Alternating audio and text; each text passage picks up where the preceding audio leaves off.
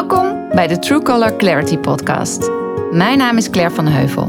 Ik geloof dat de wereld een mooiere plek wordt wanneer we onze echte kleuren durven te laten zien. Niet alleen achter de schermen, maar juist op het podium van jouw leven. Voor jezelf, bij je gezin, op je werk en in je business. Het vraagt wel moed om je eigen pad te bewandelen. Zeker wanneer de wereld om je heen misschien van alles van je verwacht. Maar juist wanneer we open en kwetsbaar durven zijn, nodigen we de ander uit om dat ook te mogen. Er ontstaat helderheid en echte verbinding. clarity Luister maar. wherever you go.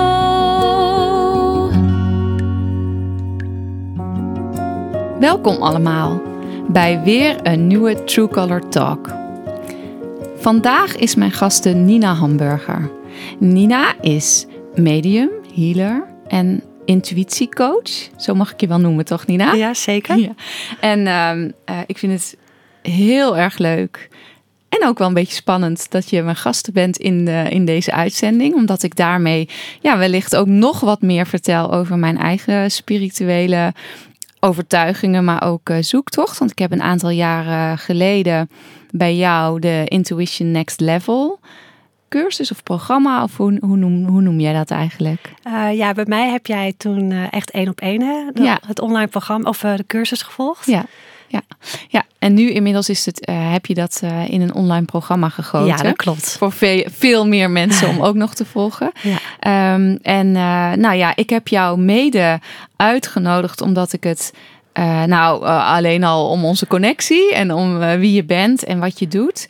Maar ook omdat ik denk dat het voor de luisteraar interessant kan zijn om eens ook eens over die wereld nog wat meer te weten. Het is natuurlijk iets wat steeds meer openheid over aan het ontstaan is. Hè? Over spiritualiteit, maar ook over je engelen, je gidsen, je spirit team, zoals jij het zelf ook zo mooi omschrijft.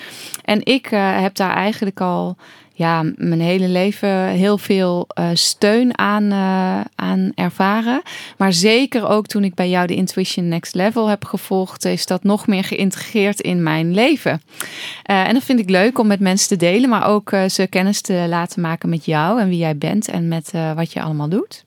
Dus welkom. Dankjewel. Dankjewel dat je me hebt uitgenodigd voor deze, deze podcast. Ik vond het echt heel erg leuk om van jou een uitnodiging te krijgen. Want eh, naast dat wij een, eh, natuurlijk een, ook een, eh, een, een bijzondere connectie hebben met elkaar, volg ik je ook heel erg graag. Op, Ja, op online natuurlijk ook. En ik ben ook een grote fan van, jou, van jouw kookboeken. Ja, dus ja. dankjewel dat ik hier mag zijn. Nou, helemaal goed. Dan zitten we allebei verheugd aan tafel. Hè?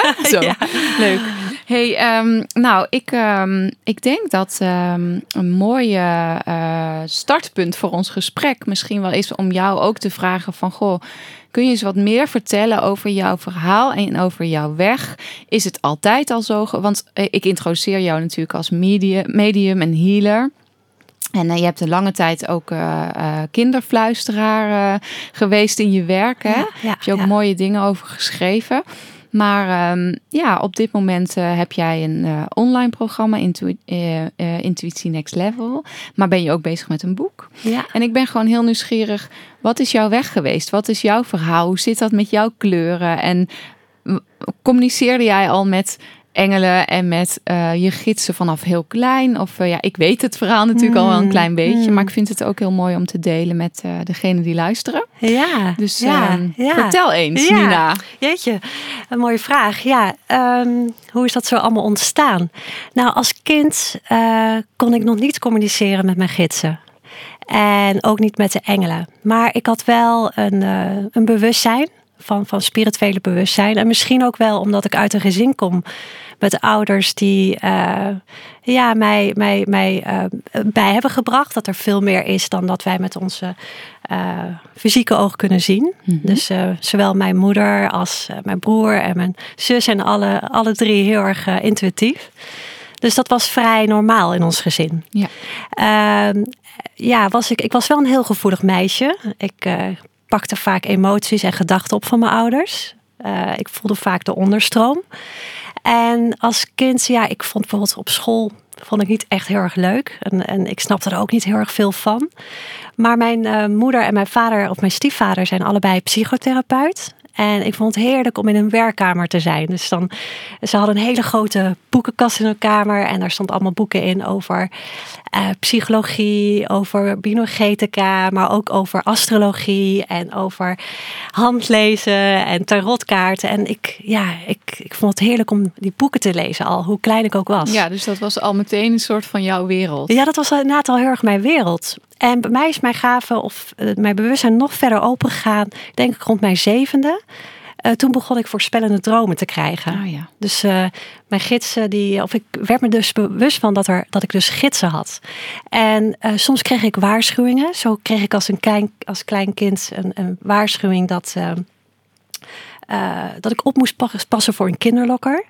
En ze zeiden van, ze, in mijn droom zag ik een, een man lopen en die wilde iets van mij. En ik hoorde een stem zeggen, eh, ren weg zo, zo hard als je kan. En een paar dagen later kwam dat ook uit. En toen wist ik, ik ben niet alleen. Nee. Eh, we worden omringd met, met, met eh, wezens die ons beschermen en ons helpen.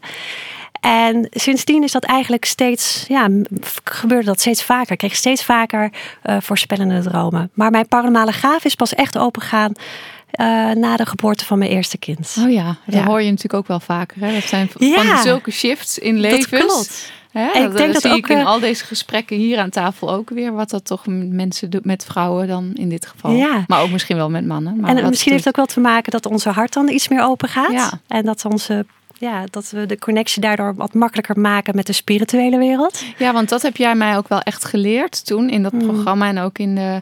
eh, dat, dat eigenlijk wel de manier om te communiceren is met je gidsen en met de engelen. Echt via je hart. Ja, dat Hè? klopt dus eh, echt om daar naartoe te zakken en niet en proberen om dat hoofd juist niet mee te laten doen, waar de grootste uitdaging denk ik ook voor veel mensen zit. Ja, dat klopt inderdaad. Ehm, eh, onze gidsen die, die, die communiceren via het hart. Ja.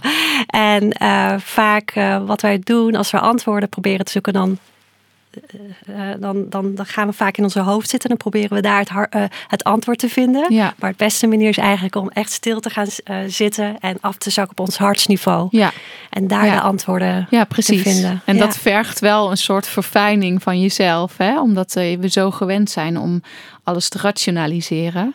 Hè, we Ja. moeten eerst nog door een, door een laag heen van weerstand of mensen die niet eens eh, hierin zouden geloven. Hè? De, eh, en voor de, als je, al die stemmen heb je natuurlijk ook ergens Ja. opgeslagen. Tenminste, dat gold voor mij. Ja, En voordat je daar eens een keer doorheen bent en dan afgezakt bent naar je hart. ja. Dat eh, vergt even wat oefening. Klopt inderdaad. Vaak raakt het ook versluierd. Hè? Ja, dus als kind dan zijn we vaak staan we nog heel erg open. Zijn we ook nog heel erg ook in ons hart aanwezig. Ja, Maar na, naarmate we ouder worden en zo worden we ook opgevoed. Hè? Eh, onze hele onderwijs is gericht op het ratio. ja. En we leren niet meer te luisteren naar, Nee. naar onze hart, onze innerlijke stem. Ja, Ja. en ik denk, ik hoop dat daar weer een lichte verschuiving aan, aan het ontstaan is, ook in het onderwijs. Ik denk dat het wel lang duurt. Ja. Of in ieder geval dat wij onze kinderen dat misschien niet meer meekrijgen. Eh, misschien wel degene zijn die dat nog verder gaan initiëren, wie Ja, weet. Klopt. Ehm, maar goed, eh, het feit dat wij ook een podcast vandaag opnemen, dat we het er veel over hebben. Ja. En hoe is dat voor jou geweest? Want je zei eh, net al een klein stukje in je verhaal. Maar we hebben ook wel samen gesproken over dat het. Ja, het is, het is ook wel een stap om dan zogezegd uit de spirituele kast te komen. ja, dat is een... Hoe is dat voor jou gegaan? Om, ja, niet om daar, makkelijk. Want, nee. ja, want ik vertelde je al van ja, rond mijn 32e toen eh, ging het bij mij in één keer open. Want ik volgde een cursus eh, eh, om mijn intuïtie te vergroten. En al na, denk na twee of drie weken of drie lessen begon ik mijn gidsen waar te nemen. En ik was daar zo onder de indruk van. Van oh, ik kan ze eindelijk zien. En ze gaven me ook boodschappen door. En ze vertelde mij van, eh, Nina, wil jij graag je paranormale gaven verder openen? Want op dat moment, ik kon ze niet continu zien. Of eh, ik moest er ook heel veel moeite voor doen. Maar als ik zag, was ik daar eh, natuurlijk wel heel erg... Ja, daar wilde ik wel graag meer van. Ja. En daar zei ik ja tegen, dat wil ik wel. Dus zij lieten mij zien stap voor stap hoe dat moest. Dus het ging niet in één keer. En na een half jaar was mijn gave ja, niet, ja, bijna volledig geopend. En ik weet nog in die tijd ging het heel snel. Per toeval kwam ik achter dat ik eh, met eh, kinderen kon communiceren intuïtief. Dus ik pikte op wat ze dachten en eh, hoe ze zich voelden, waarom ze slecht sliepen. Ja, want En- dat is ook dat stukje kinderfluisteren. Ja, hè, dat is inderdaad je het lange tijd hebt gedaan eigenlijk. Ja, dat klopt inderdaad. Ja, Ja. want een vriendin kwam langs en die zei... mijn dochtertje gaat het niet zo goed. Ze, is, thuis is ze heel blij, maar op de kinderdag eh, is ze ongelukkig. En we praten over... En voordat ik het wist, zag ik allemaal beelden... wat de oorzaak was waarom ze zo voelde. En dat koppelde ik terug aan haar. En ze herkende zich in het verhaal. En dat loste het probleem op. En toen wist ik, volgens mij heb ik wel een hele bijzondere gave en kan ik dit heel erg goed. En dat ben ik verder gaan ontwikkelen. En eh, na een jaar eh, had ik een goedlopende praktijk als kinderfluisteraar. En in die tijd werd ik ook benaderd door de Cosmopolitan Mhm. eh, voor een artikel. Of ze wilden me graag interviewen over mijn paranormale gaven. En daar heb ik ja op gezegd. Maar op dat moment dacht ik ook, oh jee, maar dan Ziet iedereen dat? dan ziet iedereen dat inderdaad. Want ik had het nog niet aan veel mensen verteld. Aan de ene kant was ik heel erg enthousiast. Wilde Ja. ik het van de daken schreeuwen van hoe mooi de spirituele wereld is. En hoe gaaf het is om met je gidsen te kunnen communiceren. En dat eigenlijk iedereen dat kan. Want En dat, heb jij ja, ook mij verteld. Dat klopt inderdaad. Ja. Aan de andere kant vond ik het natuurlijk ook heel erg spannend om uit die spirituele kast te komen. ja, Eh, maar ik heb het toch gedaan. En bij mij was het ook, ook echt wel een keerpunt. Eh, de, ik merkte ook wel dat sommige mensen afstand namen, een Ja. stapje terugzetten. Ja. Die vonden het, waren bang dat ik alles zag van hun. oh ja, ja. ja. Of ze dachten als ik zei van hoe gaat het met je? En dan zei ze wat bedoel je? Zie je iets wat ik niet weet, weet je wel? Eh, maar ja, veel mensen vonden het spannend. Anderen konden het ook echt omarmen. Dus eh, er, er ontstond wel een shift. Maar ik was ook wel blij dat het universum mij dit setje gaf. Want vaak is het zo, hè, als, je, als je bepaalde talenten hebt of ergens goed in bent en je verbergt dit voor anderen, want dat heb ik ook wel heel erg lang gedaan. Dan op een gegeven moment dan verlies je ook ergens je kracht. Ja, en het gaat wringen. En Het gaat en het gaat zich toch ergens, is mijn ervaring wel ook, op andere vlakken naar boven proberen te komen. Want het moet ergens uit. Hè? Klopt, Dus die, ja. die energie moet wel ergens heen. Klopt. Dus dan kan je het wel daar de deksel erop houden, maar dan ontploft die eh, aan de andere kant. Dus eh, of je wordt ziek, of je zit niet lekker in je vel. Of, eh, Ja. En dan dat zie je heel vaak. Hè? Dat mensen ook echt ziek worden als ze niet gaan staan voor hun eigen kwaliteiten. Precies, ja. En eh, dus voor mij was het ook heel erg helend om dit te doen. En dan te zeggen, nou ja, dan verlies ik maar mensen. Ja, Eh, maar ook heel erg spannend natuurlijk. Ja, tuurlijk. Dat kostte heel veel kracht. En, en dan nog steeds hoor. Ik vind het nog steeds wel heel erg spannend. Ja. Ook zo deze podcast om... Jij vroeg aan mij, gaan we straks ook over de engelen Ja. praten. En dan moest ik ook weer over nadenken. Oh ja, ja. ja. en, en de vraag kwam ook terug van jou. Jij zei maar, wil je het daar dan over hebben? Of wil je het gewoon universum benoemen? Ja. Of wat zullen we doen? Ja, Toen dacht ik, nee, we gooien het gewoon open. Het is niet voor niks een True Color Talk.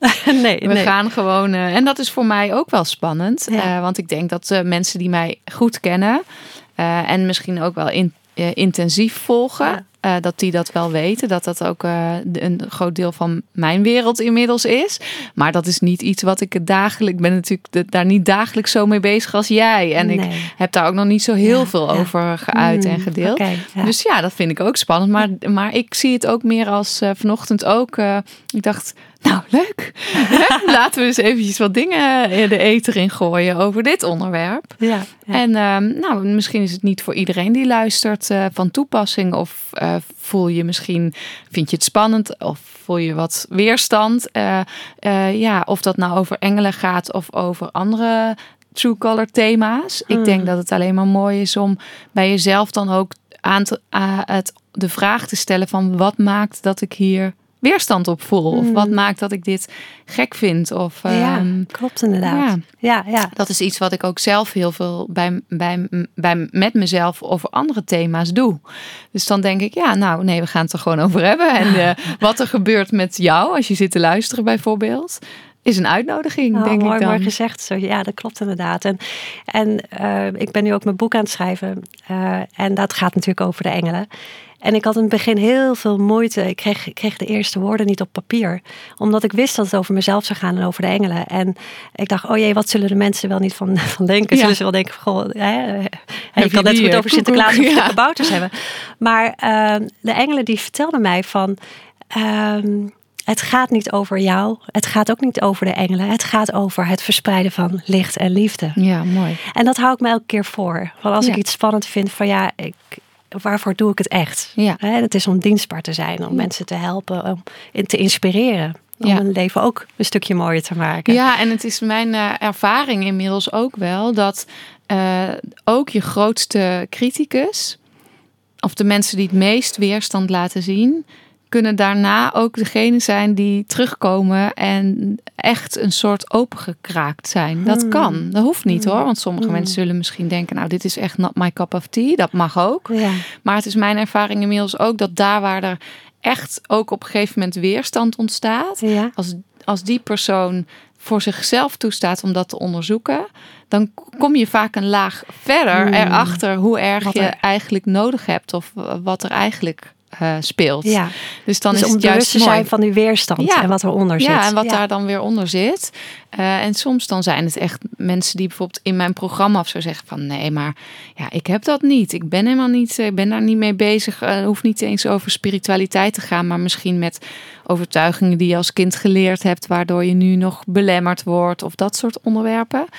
En die dan later toch eh, eh, zeggen van nou, dat dacht ik.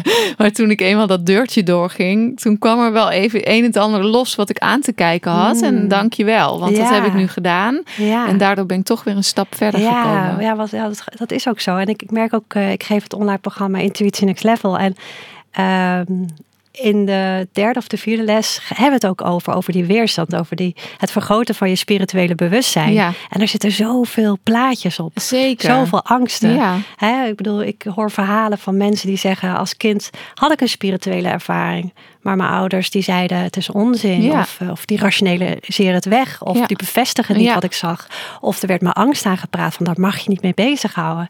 En ehm, ehm, hè, dus dat, dat al die laagjes weer afpellen. Ja, dat duurt weer- eventjes. Dat duurt soms eventjes. Ja, want ook toen ik bij jou dat volgde, hebben we ook wel gesprekken daarover gevoerd. Want de ene keer hoorde ik mijn moeder in mijn oor kakelen en dan weer hoorde ik die. En dan weer dacht ik van nee, maar hè, eh, eh, voordat je die overtuigingen volumeknop hebt, naar beneden hebt gedraaid. Ja. ehm, en je eigen angsten. Ja. eh, ja, daar moet je even doorheen. En is het bij jou gelukt? Ja, denk ik wel. Ja. Ja, zeker. En wat heeft het bij jou gedaan? Eh, Lukt het jou daardoor beter om te connecten met Het de heeft, spirituele? Ja, dat. eh, dus dat sowieso. Maar het he- en dat gaat soms ook wel weer verloren.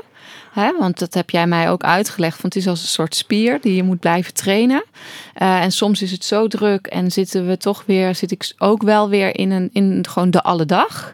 En dan daar tijd en ruimte voor maken om weer echt af te zakken en de verstilling op te zoeken. Eh, eh, dus natuurlijk, dat hoort er wel bij.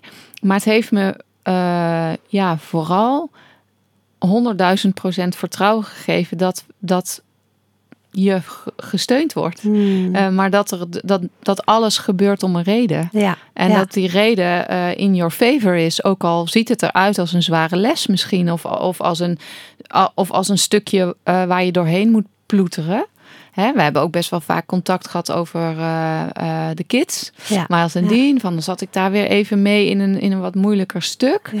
Maar ook dan toch weten, gewoon weten. eh, ik hoef daar niet eens meer in discussie met iemand anders van, eh, nou is dat wel of niet waar. Nee, ja, voor mij is dat gewoon waarheid. Ja, je voelt het dan, Eh, hè? Je het voelt klopt. het dan. Eh, dat dit gewoon precies is wat je, eh, wat je hier te leren had. Je ziel wilde. Of, eh, Ja. en dat je daarin ondersteund wordt. En dat ze als het ware boven staan te applaudisseren. Dat je het zo goed doet. ja, precies. En dat is zo mooi aan om je intuïtie in te zetten op momenten dat je even vastloopt. Hè? Ja. En dat je dan even kan intunen en dat je op die manier an- waardevolle antwoorden krijgt. En vaak voel je inderdaad wat je ook zegt. Van, oh ja, het klopt. Ja. En nou, nou snap ik het. Nou snap en ik kan het. het weer loslaten. Ja. Of van een, van een groter perspectief eh, Ja. dingen zien. Ja, en Ja. ik zet het, eh, eh, ik maak er eigenlijk dagelijks eh, gebruik van. Maar ook, dat komt ook omdat bijvoorbeeld ehm, eh, onder andere jij mij geleerd hebt van, ja, je kan niet genoeg hulp vragen. St- Ja. Als het ware staan ze niks te doen. Ze staan Ja. klaar om ons te helpen. Klopt. Dus, want Ja. je kan met je, ehm, nou misschien, ik weet niet of het Calvinistisch is, maar met je overtuigingen denken van, ja, ik kan toch niet weer aankloppen. Heb ik weer iets. Ja, ja, maar ja. juist, is Ja. dat, als dat er eenmaal af is, denk je, nou, why not? Ehm, maar eh, ook voor leuke dingen. ja. Dus niet alleen in, eh, weet je, times of trouble. Maar ook gewoon eh, dat ik, eh, weet ik niet, ben ik aan het hardlopen. En dan kijk ik eens om me heen en dan voel ik me goed. En dan dat ik gewoon ze even bedank bijvoorbeeld. Of dat ik gewoon zeg van tof hè. Of dat ik eh, hardop daar. Dus eigenlijk is het een soort eh, parallel meelopend zijn. Ja, ja. En, en ja, zeker ook als het even niet zo goed gaat of als ik eh, stukken tegenkom die ik moeilijker vind, ja. dat je gewoon je gesteund voelt. Ja, ja, dat is ook zo. Is Ja. ook zo. En, en na te staan heel veel eh, hulptroepen. Eh, dat- vind ik een van de mooiste dingen. En ik heb het geluk dat ik ze kan waarnemen, de engelen en ook mijn gidsen. Maar ik raak soms zo overdonderd van hun onvoorwaardelijke liefde en van hun hulp. Ja, En ze staan om ons heen. Ja. En je hoeft daar niet. eh, Het is dat ik ze kan zien, maar ze zijn niet alleen bij mij, maar ook bij jou, bij iedereen. precies. En we hebben echt enorm veel hulptroepen om ons heen. En ze staan te wachten tot wij de eerste stap nemen en uitreiken naar hen. Ja, Want ze kunnen alleen maar eh, iets voor ons betekenen als wij hun om hulp vragen. ja, Dat is een, althans, dat gaat over de engelen dan. Eh, dat is een soort wetmatigheid. Maar we vragen, eh, we vragen te weinig. precies. Ja. En dat is wat de boodschap die bij mij zo is blijven hangen, ook in mijn contact met jou, maar sowieso. En ik denk ehm, dat ehm, ja, het, het brengt als, als het ware. Het zorgt er ook voor dat je wat meer durft te vertrouwen en los durft te laten wat de uitkomst moet zijn. Dat heb ik er ook heel erg aan overgehouden. Mm, Dus mm. ik vraag niet meer om een specifieke uitkomst. Dat zou ik Mm. natuurlijk, dat zou je in theorie ook wel kunnen doen. Maar ik vraag veel meer, eh, bijvoorbeeld, eh, nou stel, stel ik neem als voorbeeld deze podcast. Ja? Dat ik gewoon eh, nou, de, mijn gidsen of de engelen bij me roep en zeg van nou ik hoop dat het gewoon voor dat het juiste gesprek zich mag ontvouwen. Waar de boodschap in zit, waar de meeste mensen iets aan hebben. Wat gewoon nou, dat licht en liefde verspreidt. Of dat welke intentie daar dan ook onder ligt. Ik denk Ja. dat de intentie belangrijk ja? is. Ehm, maar dus niet specifiek. Dus ik maak het niet altijd specifiek. Oké, oké. Ik vraag gewoon van nou wat er, wat er mag komen. Ik zie het wel. Ja, ja, ja, ja, ja. Ja, Eh, eh, ik- wat leuk. eh, en dan laat ik het eigenlijk een beetje los. Oké, wat mooi. Ja, dat zijn inderdaad waar, waar, waar, de, waar de engelen mij heel erg vaak dagelijks eigenlijk me aan helpen herinneren, is juist dat ik eigenlijk wel wat specifieker mag Ja, zijn. precies. Want daarom haal ik het onderwerp ook aan. Ah, omdat ik het juist leuk vind dat jij eh, ons juist weer een stukje kan meenemen in Ja. eh, hoe je juist eh, dat wel mag doen. Oké, oké. Want ik vind, het, ik vind het ook een lastig stukje. Vond ik ook. Ik ben er nu aan het over schrijven. Dus voor mij gaat mijn wereld nog, nog een stukje open Ja. over hoe je goed moet, de engelen om hulp moet vragen. Het blijft lastig. Ehm, maar als je het, waar zij mij vooral heel erg in aanmoedigen is, eh, ze zeggen, wat is je wens? Eh, hoe wil je je graag voelen? Ehm, stel je voor dat je eh, iets mag ma- wil manifesteren of een droom. Wat, wat is je droom? Wat wil je graag dat, dat eruit komt? Dus zij helpen mij heel erg om uit te spreken wat ik graag wil manifesteren. Ja. Maar zoals jij het omschreef, er zitten ook wel elementen in hoor, wat jij graag wil manifesteren. Ja, want het, eh, wat ik ook een beetje bedoel is wat jij nu ook zegt. Ja. Van hoe wil je je voelen? Ja, Hè? Dus het gaat niet per se om wil je, die, wil je een rode of een blauwe stoel. Hoe wil je je voelen met die stoel? ja en daar precies. gaat het om. Oh, Want misschien mooi, ja. komt, wordt het dan wel een bank. Ja, You don't know. Of een bed. Ja, ja. ik noem nu even een heel gek voorbeeld. Ja, ja, maar het gaat er dus mij meer om dat ik gewoon mag vertrouwen op dat wat Het proces zich ontvouwt. ja, dat. En, dat, gaat. dat ik dus als ik de juiste intentie maar neerzet op het gevoel wat ik er Mm. mee wil Ja. hoop te bereiken bij mezelf, maar ook bij de ander. Ja, Dat de vorm eigenlijk er dan niet meer zoveel toe doet. nee, nee, nee. En toch Ja, Toch? zeggen ze. zeggen zij eh, dat het hun wel heel erg helpt om specifiek te zijn. Ja, leuk. Eh, en dat is een uitdaging voor ons. Want dat betekent ook dat we over dingen moeten gaan nadenken. ja, Van dat wat maakt willen het misschien wel nog concreter ook. Ja, dat maakt het concreter. Maar ook, ik kan me ook voorstellen dat je je afvraagt, maar ja, wat wil ik dan? Wat is mijn levensmissie? Past het dan ook al in? Ja. Kijk, en als je te veel gaat invullen, want dat hoor ik ook wel een beetje in. eh, ehm, is het dan wel in mijn hoogste goed? Ja. Misschien is er wel een Precies. andere bestemming voor mij. Ja. En dat hoor ik een beetje eruit. Dus dat is ook wel een lastige hoor. Ja, want die vind ik wel lastig. Ja. Ja, ja, dat snap ik ook wel. Dus je kan wel zeggen, eh, engelen, eh, help mij om... ehm, ik wil graag naar Aruba verhuizen. Maar stel je voor dat het helemaal niet je levensmissie is. Ja, en dan je kan je daar wel specifiek maken. Hoe, hoe zit dat dan? Dat is wel heel erg lastig. En eh, daarom is het ook heel erg goed om, om ke- elke keer weer af te stemmen van... om te voelen van, is dit inderdaad echt wat ik wil? Ja. Maar ehm, ondanks dan dat, eh, je moet je voorstellen, engelen die kunnen alleen maar geven waar je om vraagt. Dus dat is de reden waarom het belangrijk is om Wel helder te zijn ehm, wat je graag wil manifesteren. Eh, en waarom is dat zo? Zij hebben respect voor onze vrije wil. Ja. Dus als jij hier op aarde bent, heb je een vrije wil. Je mag zelf bepalen hoe je je voelt, hoe je je leven wilt leiden. Eh, en eh, zodra de engelen in je leven komen, verandert er iets in je leven. ja, zeker. En ze mogen zich alleen maar inmengen in je leven als jij hun instemming geeft. Dus ik, ik, ik kan dus de engel, met de engelen communiceren en ik hoor hun. Dus zij zeggen heel vaak, Nina, eh, wat, is, wat wil je precies? Dus zij, motiv- zij vragen elke keer om specifiek te zijn, want anders kunnen ze niks doen. oh ja, kijk. En ik, kan, ik vind het leuk als ik een leuk voorbeeld geef. Ja, zeker. Nou, het was eh, in de tijd dat ik eh, dus als kinderfluisteraar aan, aan de slag ging. En ik wilde mijn eigen praktijkruimte wilde ik, eh, gaan inrichten. En ik vroeg de engelen om hulp hierbij. Wil je me helpen met het inrichten van mijn werkruimte? En ehm, het budget was op. En eh, er ontbrak hier en daar nog wat. En ik vroeg, wil je me helpen nog met een mooie fortuin te manifesteren? En ik zei, ik wil graag een fortuin met mooie wieltjes eronder. En echt waar, dus dit is geen verzonnen verhaal. eh, een paar dagen later deed ik de rolgordijn open en ik keek naar beneden. En voor mijn deur stond een fortuin. ik weet het niet, misschien was het een grof veldag, maar hij zag er nog echt heel erg goed uit. Hij, was, hij za- zag er bijna als nieuw uit. Dus ik ging even naar de buren van, goh, is die voor jullie misschien? Nee, nee, nee. Nou, dus ik zag het als een teken. De engelen hadden mij een fortuin gegeven. En ik keek naar het fortuin en ik ging er zitten. Hij zat, zat heerlijk, maar hij was niet de goede kleur. Ja, tenminste, jij vond het geen goede nee, kleur. ik vond het geen go- goede kleur. Het was grijs. En de les wat ik daaruit leerde is van wees specifiek. Dus als je graag iets wil Had hij manifesteren. wel wieltjes? Hij had wel wieltjes. Hij had wieltjes, maar ik wilde hem graag in het wit. hebben, Want alles was wit en taup in mijn kamer. Oh ja. Maar dit geeft aan hoe belangrijk het is om specifiek te zijn. Ja, dus dan, maar dan kom je toch ook weer een beetje op, dat, eh, op de secret vibe, of niet? En wat is volgens jou de ja, secret dat vibe? boekje, weet je Ja, wel. ja, wat dat toen ik, op een ja. gegeven moment... eh, Want de- wat ik daar lastiger aan vond, is van...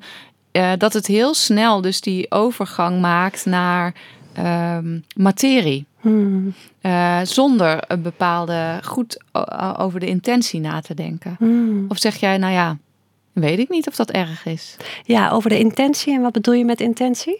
Nou, eh, waarom wil ik eigenlijk een rode Ferrari? Hmm, Wat brengt het mij dan eigenlijk? Of mij of, of de ander? Ja, en wat gebeurt er als je niet over de intentie nadenkt? Ja, mooie vraag. Is het zo dat je ehm, ehm, ja, ook weer eigenlijk dat, dat je levensstuk vraagt van past het in mijn leven? Is het echt de bedoeling? Zoiets? Ja, misschien. Of misschien wel, want wij hadden natuurlijk ook even in ons voorgesprek, zei ik tegen jou van ik vind het ook heel erg leuk om het, om het eens over dat stuk van spiritualiteit en eh, geld of eh, business Ja, te hebben. Ja, Hè, Want die twee werelden, eh, die komen nu steeds meer samen. Natuurlijk omdat er ook eh, veel meer openheid ontstaat over spiritualiteit. je kan het veel meer uitspreken. Dat zal jij ook beamen. Ja. Maar ik merk wel dat op het moment dat je dus in mijn geval, eh, ik heb het er nog niet eens zo heel vaak over, maar ook over True Colors, of over de andere thema's, over eh, oprechtheid. Of, en je gaat het over geld hebben, doet dat wat met mensen. Dus ze Hmm. hebben daar, Ah, daar zit toch wel een soort van ja, ja. oordeel overheen. ja. Hè, klein voorbeeldje. Laatst had ik eh, in een van mijn nieuwsbrieven eh, omschreven hoe ik gegroeid ben de afgelopen drie jaar. En ook eh, financiën was altijd wel, daar zaten altijd bij mij wel overtuigingen overheen. Dat je ofwel er heel hard voor moest werken, of dat, het, dat ik er niet zoveel van snapte, of dat het voor mij ja, niet, eh, ehm, ja, dat ik daarin een blokkade of zo had. Hè? Maar als ik kijk naar hoe ik gegroeid ben de afgelopen drie jaar, dan heb ik echt hele grote stappen gezet. Ook op financieel vlak. Men, dat heeft ook denk ik gewoon met een eerst starten. Zaaien, zaaien, zaaien voordat je kunt gaan oogsten. Maar ook lange tijd vond ik ontvangen heel moeilijk. Dus het gaan oogsten sloeg ik dan ook heel vaak over. Dat heb jij zelfs een keer Ja. tegen mij gezegd, weet je nog? Dus Ja. zij staan daar velden vol mooie zonnebloemen en je gaat ze niet oogsten. Je gaat gewoon weer wat anders doen. Why? Nou, da- dat hele stuk Hmm. merk ik ook nu dat op het moment dat ik me wat meer uitspreek over de groei die ik heb doorgemaakt, of ook over dat mijn bijvoorbeeld mijn omzet verdrievoudigd is in het afgelopen drie Mm, jaar, dus dat daar ook een hele stijgende Ja. lijn in zit, dat ik dan ook reacties terugkrijg van mensen die dat jammer vinden. Dat ik het over het geld moet gaan hebben. Eh, omdat ze, nou, weet je, online is natuurlijk ook wel zo'n lijntje aan het lopen van wil jij een ton omzetten of wil jij, eh, eh, weet je, die, Ja, die ja, ja, wereld. En die wekt ook, die roept ook wat weerstand op. En soms is het natuurlijk ook niet helemaal de realiteit. Want achter de schermen moet natuurlijk wel het een en het ander gebeuren. Wil jij ineens een ton omzetten? Mm.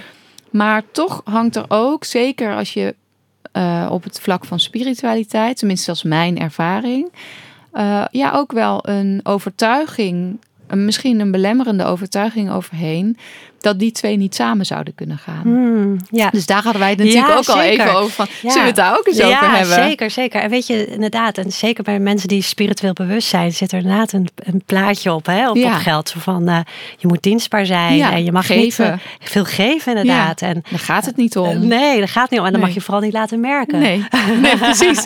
Dan ma- maar terwijl het ook gewoon echt hoort bij kunnen geven. Ja, Ja. ja. Hoeveel, hoeveel ik nu al veel meer kan doen, omdat ik die, die financiële stroom ook op gang is gekomen. Ja, Eh, hoe nog meer je dan ook kunt geven. Ja.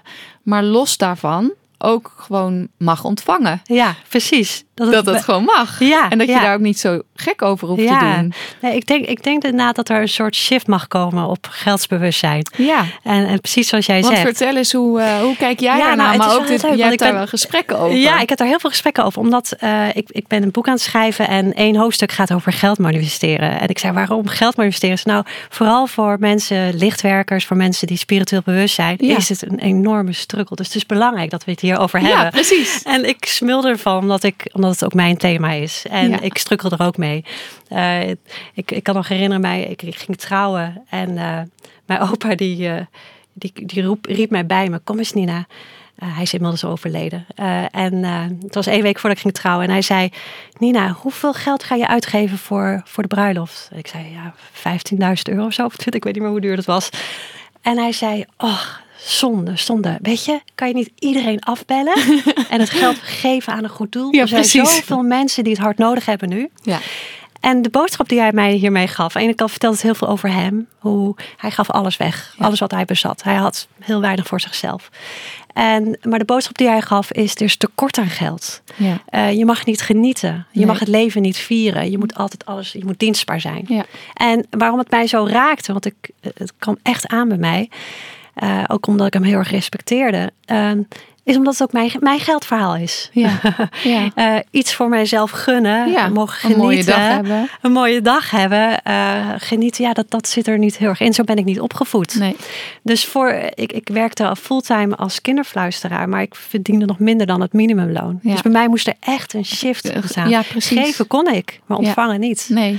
En dat is ook, ik denk dat jij daar je ook wel heel erg Ja, heel herkent, hè? Dat is natuurlijk ook mijn verhaal lange tijd geweest. Ja, precies. En dat komt omdat ouders, eh, generatie op generatie wordt er een verhaal verteld over geld. Ja. En kinderen die zuigen dat op. En Ja. ik, ik moet me ook heel erg inhouden hoor, als, als het over geld gaat thuis. Ja, dat ik, ik ook. een verkeerde label geef. Nee, dat gaat niet. Of dat mag niet. Of dat gaat nooit lukken, weet je wel. Dus dat zijn boodschappen die wij opslaan. Dus er zitten heel veel etiketten, negatieve etiketten op geld.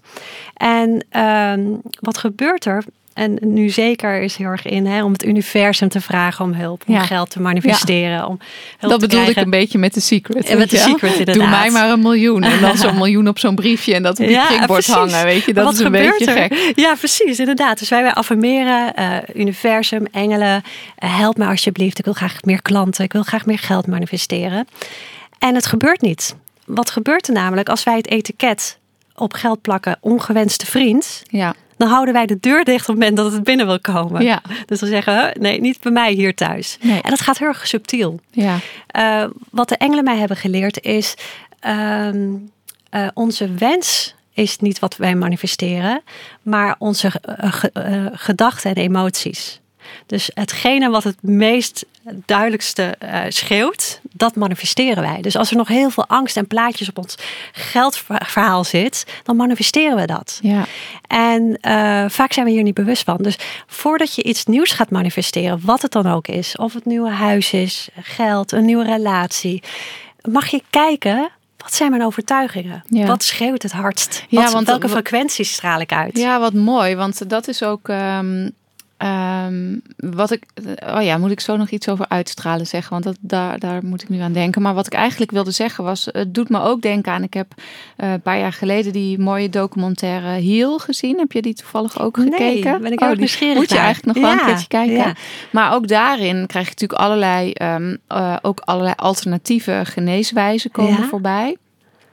En voor mij eh, natuurlijk toen ook relevant vanwege eh, het ziek zijn. Eh, jij hebt ook een historie met ziek Hmm, zijn. ja, ja. Dus dan wil je daar meer over weten. Zeker ook als je spiritualiteit vergroot. En da- dat heb ik toen ook al gevoeld. En als klein meisje natuurlijk ook al. Maar wat in die documentaire zeggen ze ook van ja, er is ongelooflijk veel mogelijk met verbeelding, met geloof, met hulpvragen, al die alternatieve, meer spirituele dingen. Maar ook daar, als er onder het een laagje toch nog angst het hardste schreeuwt, Hmm. zonder dat je daar misschien. En ik denk dat dat het moeilijkste op te lossen is, want je bent toch bang als je hoort dat je ongeneeslijk ziek bent, bijvoorbeeld. Ja. En voordat je die angstangel eruit hebt, die misschien onbewust is, dan kan je nog zo gaan zitten visualiseren en mediteren en engelen erbij roepen en stenen verzamelen en weet ik veel, wat je allemaal wel niet kan Ja, doen. ja. Maar als de grootste uitstraling nog steeds is, ik ga dit niet te boven komen of ik ben hartstikke bang, dan is dat nog steeds heel erg dominant. Ja, dat is heel erg Eh, los dat maar eens op. Ja, ja, dat is echt heel erg moeilijk. Omdat om daar, natuurlijk zijn er verschillende technieken in. Ja, hè? snap je hebt ik. bijvoorbeeld eh, tapping, eh, wat, eh, waar heel veel mensen Ja, dat enthousiast komt over in- zijn. inderdaad in die documentaire ook naar voren. Oh, ja. En, en ja, goed, ik ben verliefd op de engelen. Eh, Ja, ik vraag precies. hulp aan de engelen natuurlijk om Ja. hiervoor. En zij kunnen heel goed eh false grids noemen ze dat, shiften. dus Oh, dat ja. zijn valse overtuigingen. Dus daar kan je ook hulp bij vragen eigenlijk. Ja, en het gaat snel. Het is echt ongelooflijk. Eh, dus als je merkt, eh, wat, ik, eh, wat de engelen tegen mij zeiden, maak een lijst van al je beperkende overtuigingen over je, over je geldverhaal. Ja, Dus als je geld bezit, dan ben je egoïstisch. Ja. Ik ben er niet waard om veel geld te verdienen. Nou, al die, al die overtuigingen is goed om dat op te schrijven. En ehm, je zou dan de engelen kunnen vragen of zij al jouw, jouw geldverhaal willen helen. ja. En vaak is het ook een familiekarma ding. Hè? Ja, dus, eh, zeker. Vaak loopt het ook in, in, lijn in je familie, waar nog ve- geldverhaal op zit. En als je dat, eh, je zou merken dat je dan heel snel een shift maakt. Althans, dat heb ik zelf ervaren. Ja, mooi. Ja, Ja. en dat omschrijf jij dus ook in je nieuwe Dat, boek. dat, dat omschrijf ik inderdaad hoe je dat moet doen. Dus, Ja. eh, of ik deel eigenlijk mijn eigen verhaal. En ik hoop heel erg dat mensen door het te lezen, dat ze het zelf ook gaan doen. Ja. Ja. Ja, wat goed. Want ik denk zeker, ik snap dat jij, want jouw ogen gaan ook helemaal stralen als je het hier even over Ja, mag hebben. ja, klopt. We hebben het natuurlijk samen ook wel vaker al over gehad. Eh, en ik denk dat daar echt ruimte voor is nu en mag komen. Ja. Dat we ook die twee werelden wat meer aan elkaar gaan verbinden. Mm. Hè, want ik, eh, ik merk gewoon dat, ehm, ja, toch zeker als je wat jij ook net zo mooi omschrijft, lichtwerkers of mensen die wat meer met die meer emoties bezig zijn of meer met leven vanuit, in mijn geval True Colors of die Mm. kant. Dat eh, ja, maar waarom mag je daar niet ook gewoon een succesvolle bedrijf van maken? Mm. Hè? Ja, Eh, zeker. eh, ook voor jezelf. Ja. ja, maar weet je, ik denk dat je. ehm, kijk, geld uiteindelijk. Eh ware geluk zit natuurlijk in jezelf. Ja. Hè? Dus als je. Eh, eh, maar we mogen van geld ver, ver- genieten. Waarom niet? Geld eh, maakt je leven veel gemakkelijker. We kunnen gewoon niet zonder geld leven. Nee, niet En- op dit moment in ieder geval. Nee, nee. En vaak is geld ook vaak een van de oorzaken waarom er in heel veel huishoudens stress is. Ja. Veel ruzie wordt gemaakt, slapeloze nachten, rekeningen. Dat is, is verschrikkelijk. Ja. Dus het jezelf toestaan dat je mag genieten van geld, daar mag ook een shift in komen. Inderdaad. Ja, want Ja. ik denk ook dat. ehm, kijk, eh, bijvoorbeeld in mijn programma's help ik. eh, nou, vrouwen zoals jij en ik, om vanuit hun droom en hun idee eh, dat echt de wereld in te mogen zetten. Mm. Het verhaal kloppend te maken, dat ze het echt vanuit wie zij zijn, wat zij graag willen geven en te brengen hebben doen. Ehm, en dan daar natuurlijk qua marketing en communicatie, waar een deel van mijn achtergrond ligt, om daar gewoon een goed kloppend, stevig fundament voor te maken. Mm. Maar allemaal worstelen ze ook met die angstenergie op geld moeten verdienen. Ah, ja. Dus eh, uiteindelijk moet je natuurlijk wel, als je dat neer gaat zetten, ofwel ze hebben de discussie thuis met hun partner van ja, leuk dat jij dat idee hebt, maar hoe moet dat dan? ja. Hè, want we waren twee verdieners of we moeten ook onze hypotheek betalen en hoe ga je dat dan doen en wanneer ga je dan geld verdienen? ja. Dus die zit er heel vaak eh, tussen. Ehm, eh, of ehm, ja, toch wel moeilijk vinden om jezelf op waarde te schatten en daar dan ook iets voor terug te mogen vragen. Ja. Omdat daar dan toch ook wel, ja, er zit van alles omheen. allemaal, allemaal, allemaal plaatjes omheen. hè? Allemaal plaatjes omheen. Ja. Dus dan denk ik van oké, dan is een startpunt, nou misschien ook wel hopelijk ons gesprek is één druppeltje ja, daarvan. zeker, zeker. Mm, Zodat je toch, als je bij jezelf merkt dat als, als het over dat onderwerp gaat, en daar ben ik zelf ook doorheen moeten groeien. eh, weet je, mijn omzet is niet voor niks gestegen. Want waar ik eerst stond, had ik die overtuigingen ook. Hmm. Dacht ik, ja, maar daar moet het toch niet om draaien. En dat mag ik toch niet vragen. Of jeetje, zullen ze wel te veel vinden. Ehm, daar moet je doorheen. Maar ik denk wel dat het goed is om eh, ja, onszelf daar wat meer bewust voor te maken. Dat als je daar weerstand of een mening op voelt, dat je vooral eens gaat onderzoeken.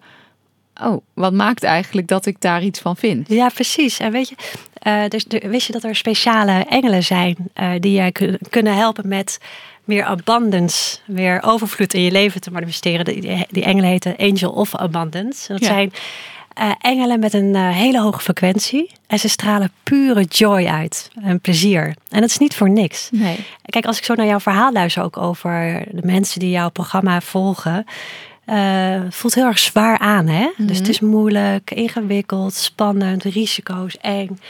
Eh, wat, de, wat de Angels of Abundance mij hebben geleerd, is dat wij onze frequentie hoger mogen Ja, zetten waar, is, waar geld. de joy? Weet Waar je? is de joy inderdaad? Ja, Waar waarom is wil ik dit doen? Waarom Ja. raak ik er... eh, Want wij bij manifesteren, eh, wat onze meest dominante gedachten of emoties zijn. Dus als het zwaar, moeilijk en ingewikkeld is, dan is dat waarschijnlijk ook wat je gaat manifesteren. Ja, En de Angel of- of Abundance, die helpen je heel erg om je energie te liften. Om weer plezier te hebben in het manifesteren van, eh, van geld. En dat echt als een spel te zien.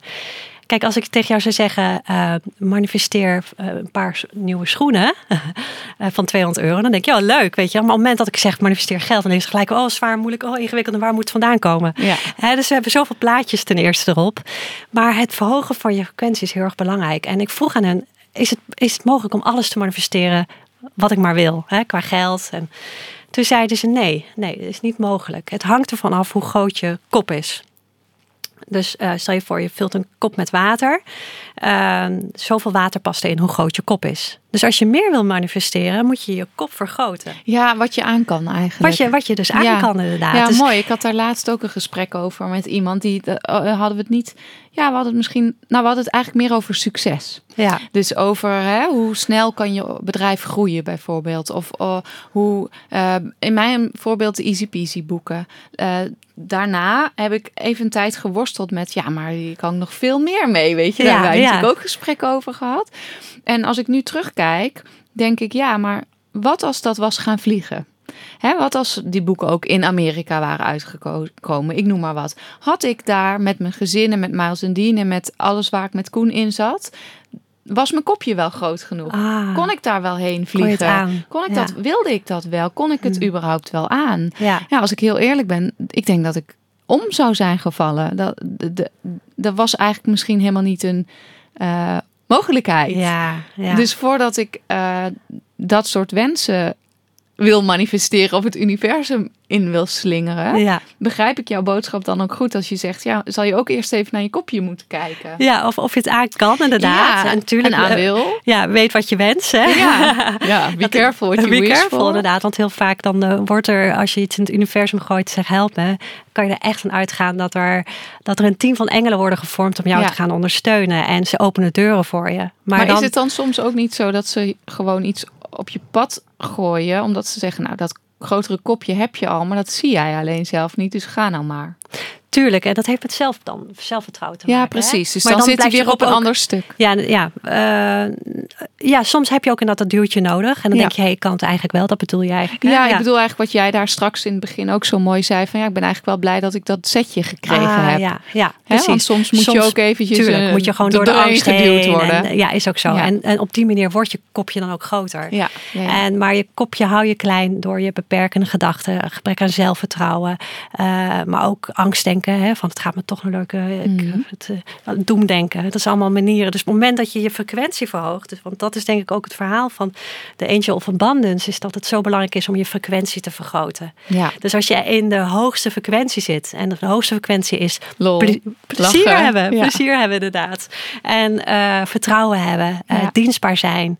eh, ja, nou, dat, soort, dat soort dingen. Als je in die frequentie zit, dan is het veel makkelijker om eh, moeiteloos dingen te manifesteren inderdaad. Ja. Ja. en ik denk dat dat voor velen van ons inmiddels zo toch ook af en toe lastig kan zijn. Omdat je door het leven het gevoel hebt dat je misschien ergens in een wat zwaarder weer zit. Of dat het. Hè, en dan, eh, eh, ja, als dan de uitnodiging is van. Oké, we moeten naar de joy. Dan is dat misschien nog even een paar stapjes omhoog. Ja, dat is inderdaad. Ja, en daar kan je aan werken natuurlijk. ja, hè? natuurlijk. En dat vind ik dus ook alweer leuk. eh, Dat is, ehm, eh, als jij zo, wat ik, wat ik zo in jouw eh, boodschap hoor, in jouw missie, wat jij verspreidt, is om jouw true colors te laten schijnen. Eigenlijk waar jij mensen heel erg toe in aanmoedigt, is om elke keer weer onder die laagjes hè, af te pellen en Ja, te gaan. eh, Op zoek te gaan naar de ware kern van jezelf. En daar moedigen de engelen ook mij heel vaak aan. Ja. En de mensen die ik begeleid. Van, ehm, ehm, ja, elke keer wat afpellen. Zodat Ja. je...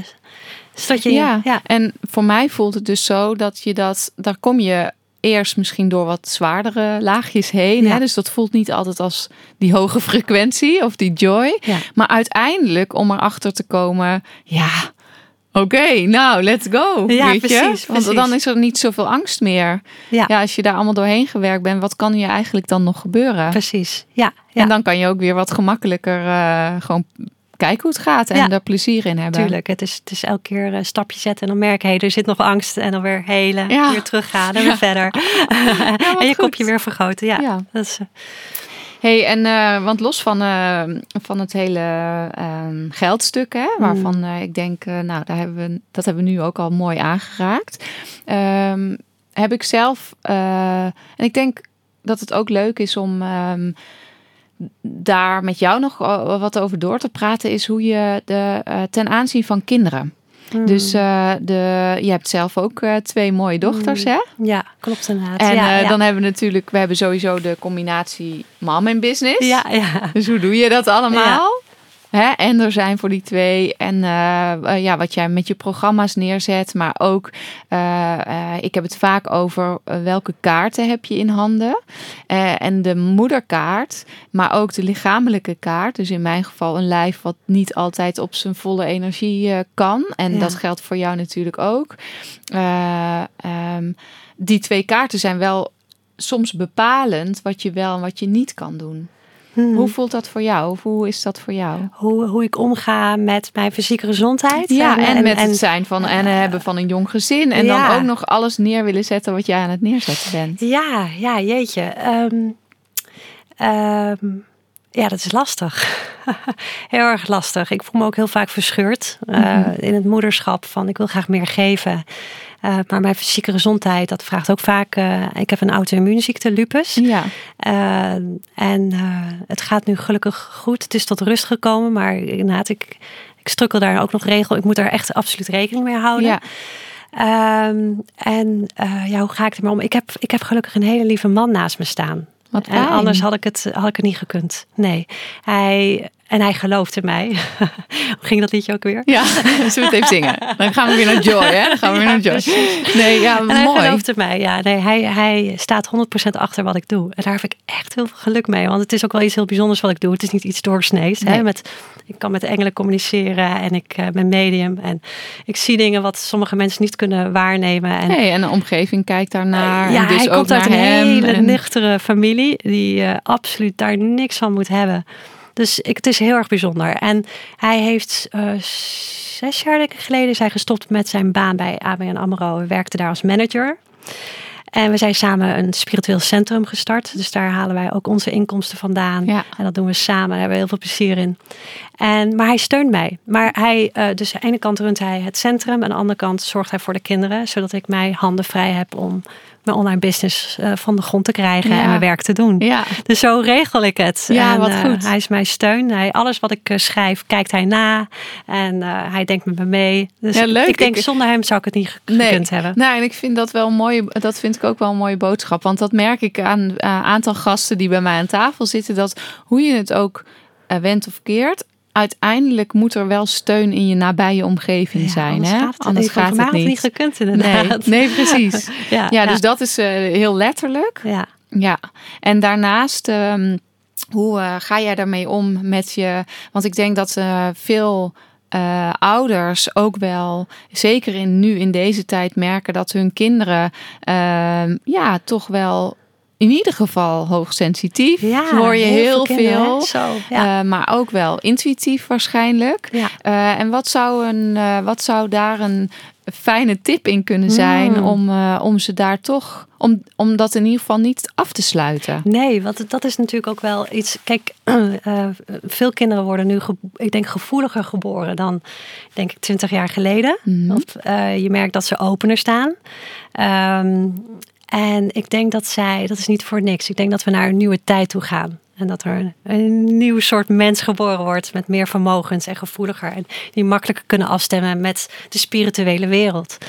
En, ehm, en hoe, hoe zorg je voor deze kinderen? Hè? Want Ja, dat is eh, denk het ik eigenlijk mijn schoolsysteem is daar niet op ingericht. Nee, het nee. is, zijn overvolle klassen, veel Ja, prikkels. Zeker. Kinderen die komen overvol thuis. En ehm, wat ik, ik zie in beweging, eh, dat steeds meer ouders ervoor kiezen om eh, religie niet op te dringen op een kind of spiritualiteit. En het kind het zelf te laten ontdekken. Dus als ze vragen hebben, dat, ehm, ja, dat het kind dan. Dat dan pas spiritualiteit wordt aangeboden. Ik weet niet of, hoe, hoe jij dat doet, maar eh, dat zie ik althans bij heel veel mensen om mij Ja. heen. En ehm, ik zelf denk daar iets anders over. Ik denk zelf dat het heel goed is om heel bewust met kinderen ehm, ja, dat te benoemen. Ja. Omdat eh, als ze kind zijn, zijn ze nog heel erg puur en staan ze heel erg open en de connectie is heel erg helder. Maar door het schoolsysteem en door de, ja, eh, het leven Ja. kan het versluit raken. ja, En als zij niet herinneren hoe zij die connectie kunnen maken, dan lopen ze te- later tegenaan dat ze niet meer weten hoe ze daarin terug, hoe ze thuis kunnen komen bij zichzelf, bij hun eigen spiritualiteit. ja, ik denk dat ik, ik heb dat letterlijk zo gevoeld. Weet je, dat als ah. je toen ik heel klein was, het gewoon me nog kan herinneren dat dat gewoon een soort lijntje was. Ja, ja. En dat is gewoon op een gegeven moment weggegaan. En, en dat heeft me. Ik ben eerst ziek moeten worden. Zo, Voordat ja. het weer eh, een klein beetje open. En, nou, en dan weer dat pad gaan bewandelen. Ja, En we ja. weet je, allerlei dingen doen daar op dat vlak. Onder andere bij jou. eh, maar daarvoor natuurlijk ook nog allerlei andere. Precies, eh, dus je hebt dus heel veel moeten doen om je dat je hebt heel veel moeten hè? doen om dan weer die laagjes eraf te halen. Ja. En al die stemmetjes uit te zetten. Om te weten van Om nou, maar dat lijntje is niet weg. Ja. Dat was er wel. Alleen ik had een soort van iets tussen gezet. Ja, en dat zie ik bij heel veel mensen. Dus Ja. ze weten, ze hebben een weten, er is meer. Ja, zeker. En ze hebben ergens een vage of een Herinnering. herinnering, eraan. Ja. Ze weten, ze- voelen het ook of ze maken dingen mee dat ze denken, hé, hey, dat kan Ja. geen toeval meer Nee. zijn.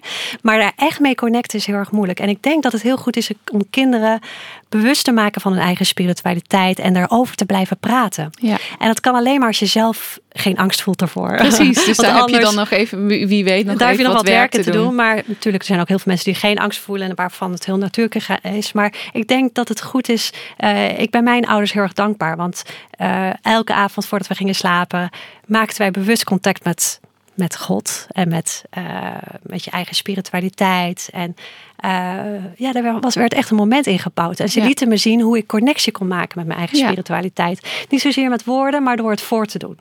En dat doe ik ook met mijn eigen kinderen. Als ik hun naar bed breng bijvoorbeeld, roep ik de engelen aan samen. Ja. Ik vraag aan hen of ze, of ze het kunnen voelen. En ehm, het is zonder het te, Zwaar of beladen te maken. ja, of het, of het te overdreven te maken. Want ik ben ook wel, ja, ook wel met bij, iemand met beide benen op de grond. Dus ik Ja. wil ook niet dat hun fantasie de loop laat. Dus, Nee. eh, maar ik benoem het wel. En ik vraag, goh, wat voel je? Wat voor kleuren zie je? Eh, eh, ik, ik benoem wat ze... ja, dus ik geef er woorden aan. En ik laat ze, ik geef ze het gevoel dat het niet gek is wat ze zien. Ja. En wat ik ook doe, ik leer ze hoe ze zichzelf energetisch kunnen reinigen. Hoe zij om kunnen gaan met overprikkelingen. Mhm. En hoe ze de engelen daarvoor kunnen vragen. Eh, en wat ik hun ook vaak leer, is dat als zij eh, eh, vastlopen in het leven. En ik denk dat dit het allerbelangrijkste is. Dat zij weten hoe zij antwoord kunnen vinden in zichzelf. Want daar gaat het dus eigenlijk om. Hè? Ja. Want wij, het leven is gewoon niet makkelijk. Nee. Je loopt tegen dingen aan, je wordt ziek, ehm, je, je loopt vast in je relatie en dan ben je op zoek naar antwoorden. Maar hoe krijg je nou hoe kan je luisteren naar die innerlijke stem? Ja. En ik denk, eh, als mijn kinderen weten hoe zij kunnen luisteren naar die innerlijke stem, dan, dan denk ik dat ik het goed heb gedaan als ouder. Ja. Dat wens ik het toe. Bijvoorbeeld mijn dochter die staat nu voor een keuze. Ze heeft HAVO-advies gekregen. Welke school moet ik kiezen? Ik heb daar wel ideeën over. maar ik wil graag dat ze het zelf kiest. En ik leer haar hoe ze haar eigen intuïtie kan raadplegen. En ze pakt dat heel erg natuurlijk op. Ja, en ze is zelfs, mooi. zelfs verbaasd over het antwoord wat ze krijgt. Ze zegt, mam, ik hoor het gewoon. Oh ja. En het is zo gaaf dat Ja. ze het vanuit zichzelf het antwoord kan vinden. Ja. En eh, ja, dat is wat ik eigenlijk ouders wil aanraden. Ja. Om, om het eh, ja, bespreekbaar te maken. Ja, en dat zou dan ook wel ehm, heel mooi starten met jouw eh, online programma voor jezelf in ieder geval. Daar hè? begint het bij inderdaad. Ja, want je dat zelf... is bij mij natuurlijk niet anders geweest. Ja, Op het moment dat ik dat met jou helemaal doorlopen heb. ja, heel vaak eh, voordat Maas en Dien ook gaan slapen, maken we een huisje van licht. Vragen we de engelen erbij. Vooral voor Dien die heel veel last heeft van dromen. Mm. Dus dan vragen we of eh, bepaalde engelen eh, bij hem willen blijven en hem een goede droom willen Oh, geven. En dat doet hij eigenlijk nu. Kan hij dat in ieder geval als hulpkaart erbij Ja. trekken. Ja. En ja, soms hebben ze er ook geen zin in. Hè? Dus dan Nee, zegt Maas goed. ja, man, Ja. ga nou eens weg met die stomme engelen. Dan heeft hij er gewoon geen zin in. nee, nee, nee. En is, dat is ook oké. Ja, ze mogen ja. ook hun eigen grenzen Tuurlijk. daarin aangeven. Eh, en, en ze zitten natuurlijk ook in een gezin waarbij nou, mijn man af en toe denkt: Oh god, wat gaan we nu doen? Zullen we gewoon een, een verhaaltje voorlezen? Die zit dan echt naar mij te kijken van: Ach, Daar gaat ze nou weer. ja, precies. En ik denk mijn familie, als ze dat zouden weten, ook wel. Hoewel ze dan misschien stiekem toch zouden denken: hm, ik ga het ook eens proberen. Dat weet ik niet. Dat vul ik dan in. Maar het is wel iets waarbij ik inderdaad, wat jij zo mooi aangeeft nu. Ik hoop gewoon dat ze wat beter zichzelf kunnen raadplegen. ja, precies. Hè? Dat ze gewoon raadplegen. ook kunnen voelen en volgen wat Ja. hun eigen hart ze Ja, ingeeft. precies. En, en, en wat ik ook veel erg bij kinderen zie, is dat zij, eh, ook als kinderfluisteraar zag ik, is dat, dat zij, ze zijn net sponsjes. Ze, Ja. ze zuigen alles eh, van een omgeving op.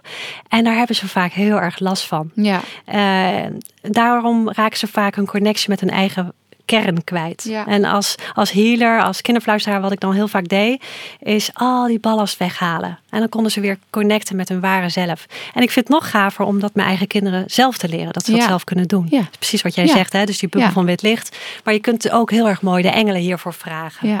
Hij bijvoorbeeld, eh, elke avond vraag ik aan aartsengel Michael of hij eh, mijn kinderen, of dat doe ik samen met mijn kinderen, een jas van bescherming wil geven. Of hij alle koorden eh, tussen hen en anderen wil verbreken die niet hun hoogste goed dienen. ja. En dat, nou weet je wel, dat soort dingen, dat, dat, dat kan je heel makkelijk aanroepen, de engelen vragen. En de kinderen voelen dat. Die voelen ja, gelijk. die vinden dat ook leuk Ja. om te doen. Hè? Ja, Want voor hen is dat niet een...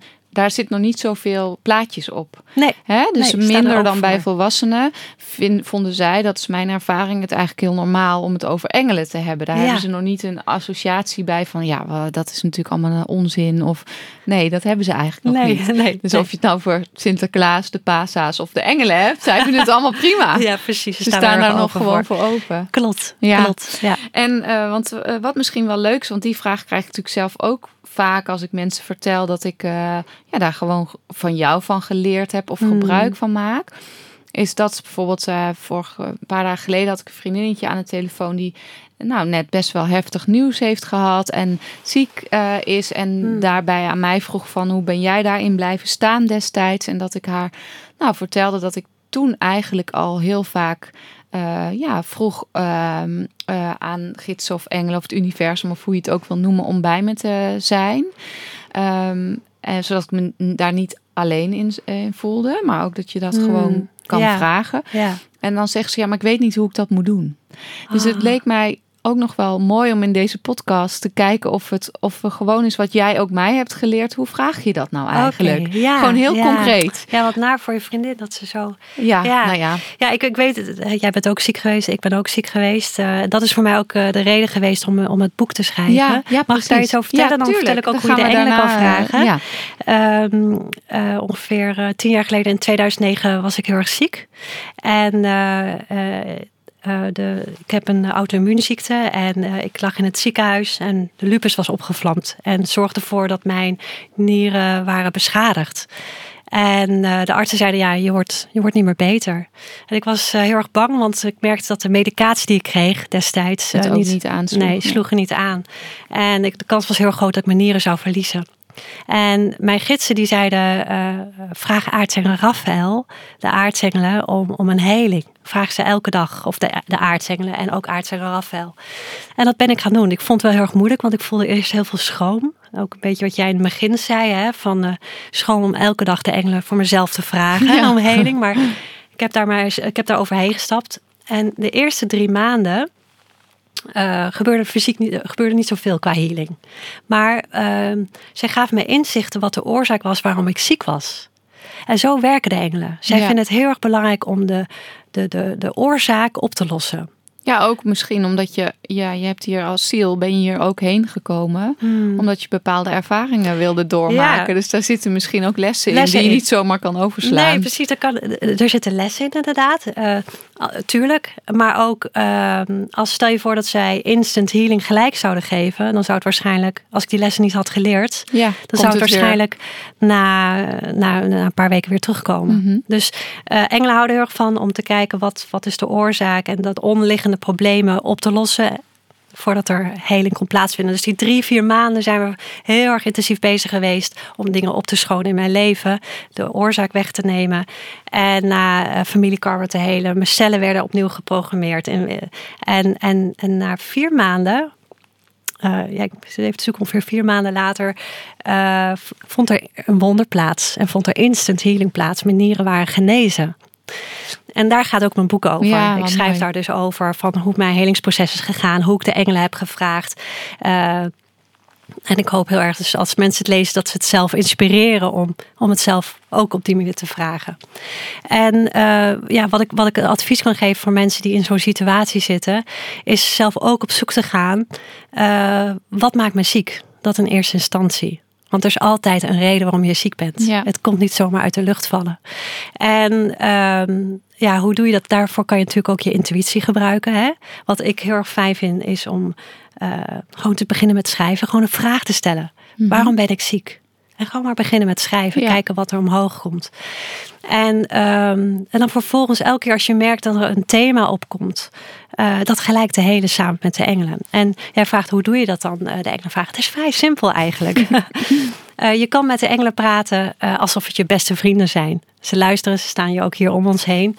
En ze luisteren gewoon. Je hoeft niet heel erg veel taal te gebruiken. Je hoeft ook zelfs niet de namen te kennen van de engelen. Je kan ze gewoon vragen om hulp.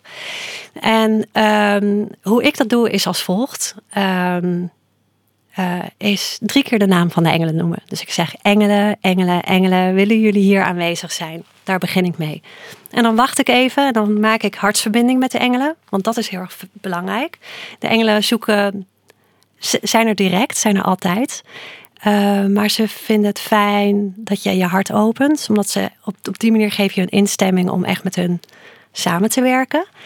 En um, daarna vertel je hoe je voelt bijvoorbeeld, ik ben heel erg ziek, ik heb last van uh, deze kwalen of ik voel me somber. Uh, en dan vertel je aan hun hoe je graag wil voelen in de toekomst. Dus twee, deze twee dingen zijn belangrijk. Hoe voel je je nu en hoe wil je graag voelen in de toekomst? Bijvoorbeeld, ik wil me fit en vitaal voelen. Ik wil dan graag dat mijn nieren genezen zijn. En wees dus heel erg specifiek in wat je wil. En soms kost het even tijd om te bedenken wat je wil. En wat ook helpt is van tevoren even opschrijven wat je precies wil. Daarna vraag je aan de engelen heel nadrukkelijk: wil je mij helpen, healen en inspireren? En uh, waarom inspireren? Want soms heb je inzichten nodig voor heling. Ja. Het kan zo zijn uh, dat, je, dat het belangrijk is dat je ergens iets Naartoe doet. gaat. Ja, of dat je stopt met suiker eten. Ja, of, uh, of dat je iets mag veranderen in jezelf. Dat er iets geheeld mag worden op familiekarma-achtige uh, thema's. Uh, nou, als je dat eenmaal weet, uh, of nou, vraag je dus ook om inspiratie, maar neem ook de tijd om een healing in ontvangst te nemen. Want het kan ook goed zijn dat de engelen je gelijk helen. Dus dat je gelijk een healing ontvangt. En een healing is, uh, wat ze dan doen, is dat ze, ja, ze zien waar de blokkades liggen en daar brengen ze helende energie naartoe. Hè. Ze verhogen je frequentie en ze halen die blokkade vaak weg. Dat is een hele, hele fijne, prettige ervaring. En daarna voel je je vaak in balans. En heel soms mag er gelijk instant healing plaatsvinden. Net zoals bij mij. eh, dat, dat vond niet gelijk bij mij gelijk plaats. Pas na drie maanden, omdat ik er toen klaar voor was. Ja. Maar sommige mensen zijn er al klaar voor. En ik heb meegemaakt, ik geef ook heel vaak eh, healings op afstand. eh, aan meerdere mensen tegelijk. En bij- ook in mijn besloten groep Healing Angels op Facebook. En ik heb daar een keer een healing op afstand gegeven. En er deed ook een persoon mee die had eh, een nekhernia. Ze zei, ik, ik zit onder de morfine, ik heb helse pijn, ik kan niet meer bewegen. En ze deed met de healing op afstand. En na afloop van de healing was haar nekhernia was genezen. Ja. En dat komt omdat zij er klaar voor was. Ja. Bij haar mocht er instant healing voor. En ze stond ook echt open voor. Ze zei ook tijdens de healing, kom op engelen, heel mij. Ja, ik heb het echt erg nodig. Oh, sorry, Ja. gaat er ineens ook meedoen. Ja, Ehm, mooi. Dus soms kan er instant maar soms ook niet. Soms moet er nog een aantal stappen gezet worden voordat het kan gebeuren. Maar zo vraag je dus om healing. Ja, en voor mij bijvoorbeeld voelde het destijds nog heel erg ehm, ja, goed om en de, eh, de reguliere operatie te ondergaan. eh, en daarnaast ondersteuning te vragen. Hmm. Tuurlijk, soms is het ook echt nodig. Ja, dat Eh, vo- zo voelde het ja, ook echt. Ja, ja, en soms is dat ook de enige oplossing. Ik, Ja. ik, had- ik had last, ik zat mij onder, of ik, ik had een frozen shoulder. En deed echt pijn. Ik vroeg de engelen om healing, dat gebeurde niet. Opeens kwam ik in mijn hoofd op om een chiropractor te bellen. En hij zei, nou, ergens heb ik het gevoel dat je nu moet laten komen. Ja. En zij hielp mij en binnen een paar dagen was de pijn weg. Dus soms is dat gewoon ook Ja, echt... ja, dat kan Hè, Het ook. kan ook zijn dat de engelen je inspireren om iets te doen, om Ja. het op te lossen. Ja. En soms is dat een medische ingreep, het Ja. beste en de Ja. kortste route naar Ja, genezing. ik snap het. Ja. Maar ik Ja. denk dat het goed is om nog even te benoemen. Nee, heel goed, ja. Los daarvan. Ja. mooi. Ja, want dat is wel ehm, ja, hoe, jij, hoe ik dat ook eh, nog intensiever heb geleerd van jou. Dus gewoon, je roept ze bij je. Mm. Ja. Je vertelt eh, waar je mee zit. Of je positief of negatief maakt eigenlijk niet zoveel uit hoe je je voelt. Ja. En waar je hun hulp bij zou willen Precies, hebben. ja. Ja. dus bijvoorbeeld voor mijn seminars vraag ik het ook altijd van tevoren. En dan gaat het ook echt om eh, ja, dat ik er ook heel veel plezier aan mag beleven. Ja, precies. Dat ik gewoon Ja. goed eh, daar sta zoals ik Ja. ben. Dat ik mijn eigen kleuren kan laten schitteren. Dat de woorden mogen komen die bedoeld zijn voor die zaal. Eh, en dat het vooral een leuke, sprankelende, fijne dag mag worden. Oh ja, Dus ja. dat is dan heel iets wat je goed om die bijvoorbeeld intentie vraagt. zo vast te stellen. inderdaad. En wat merk je dan? En nou, lo- los van vertrouwen natuurlijk. Ja. Maar merk je ook dat dat... eh, eh, we- ik begin ook vaak mijn seminar om ook de, zo'nzelfde soort meditatie... maar dan hebben we het niet over engelen, maar je doet in principe hetzelfde. En je vraagt gewoon het universum eh, om de intentie van hen voor de dag. Wa- Wat verwachten ze? Waar hopen ze mee naar huis te gaan? en dan doet de hele Ah, zaal ja. dat. Ja, ja. En dan eh, merk je dus dat die joy eh, gaat ja, gebeuren. geweldig. Want Wat dan is het gewoon een sprankelende, Ja, fijne dag. wat mooi. Ja. Ja. Ja, ja, en dat werkt. Ja, dat, dat werkt, werkt. echt. Ja, Ja, Dus dat is heel fijn. ja, ja. Gaaf. Ja, leuk. gaaf. Ja, dus dat is wat mensen sowieso voor zichzelf, in wel wat dan ook, en voor hun kinderen ook gewoon kunnen doen. Ja, hulp vragen Ja. inderdaad. Eh, zoveel je als je maar kan. De engelen die helpen graag. Ja. Zeker, ja. En ehm, eh, zullen we eens even ter afsluiting vragen of, ze, of eh, de gids of engelen vinden dat we nog eens iets moeten bespreken? Of dat het zo'n mooi rond gesprek is? Ja, ehm, eh, wat, er nog, wat er nog gezegd mag worden, wil je? Mag er nog iets gezegd worden? zo sluit een mooie gouden tip. Een mooie gouden tip. Ja, Of een inzicht. het inzicht. Nou, het inzicht wat ik graag nog zou willen geven ehm, is... Ja, weet je, we leven in een hele bijzondere tijd. Ehm, we hebben social media. Eh, op het moment dat we maar zin hebben in een leuke film, kunnen we Netflix aanzetten. Ja. er is zoveel afleiding, zoveel prikkeling. Onze agenda staan vol met afspraken. Maar ik denk, eh, en ik denk dat ik dit ook namens alle gidsen zeg, is neem af en toe de tijd om af te stemmen op je intuïtie. Om echt ruimte te maken. Maak er een ritueel van om dagelijks af te stemmen op je intuïtie. Om stiltes in te bouwen. Om af te zakken op hartsniveau. En, ehm, en, en belangrijke vragen te stellen. eh, ja, op hartsniveau inderdaad. En, Ja. en je gidsen om hulp te vragen. Ik denk dat, dat, ehm, ja, dat, dat, dat mensen het soms vergeten dat alle antwoorden al in onszelf is. Ja, mooi. Ja. Nou, dankjewel Nina. Ja, ik denk een om- mooi eh, einde aan ons gesprek. En eh, ja, heel fijn dat je hier met mij vandaag eh, over wilde praten. Ja, dankjewel voor je uitnodiging. Ja. Ik vond het echt heel erg leuk om hier te zijn. Dankjewel. Oké. Bedankt voor het luisteren. Ik hoop dat deze aflevering je helderheid heeft gebracht en heeft geïnspireerd om jouw unieke kleuren nog meer te laten stralen. Volgende week staat er weer een nieuwe True Color Talk voor je klaar. clarity Leuk als je weer luistert.